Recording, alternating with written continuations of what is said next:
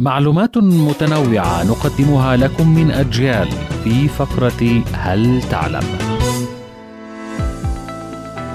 في الماضي كانت الكثير من الحضارات تعتبر السمنة نوعا من الجمال إلا أن السائد اليوم في معظم دول العالم أن النحافة والجسم الرشيق يعتبر جذابا ولكن لموريتانيا رأي آخر ففي هذا البلد لا زالوا يعتبرون أن السمنة عند النساء من علامات الجمال ولا فرصة لأي نحيفة أن تجتذب الأنظار إليها.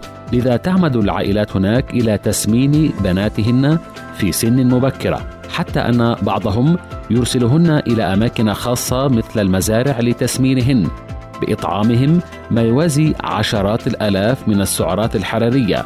في حين أن الحد الأقصى الذي يكفي الشخص في هذا السن ما يقارب ال 1500 سعرة حرارية.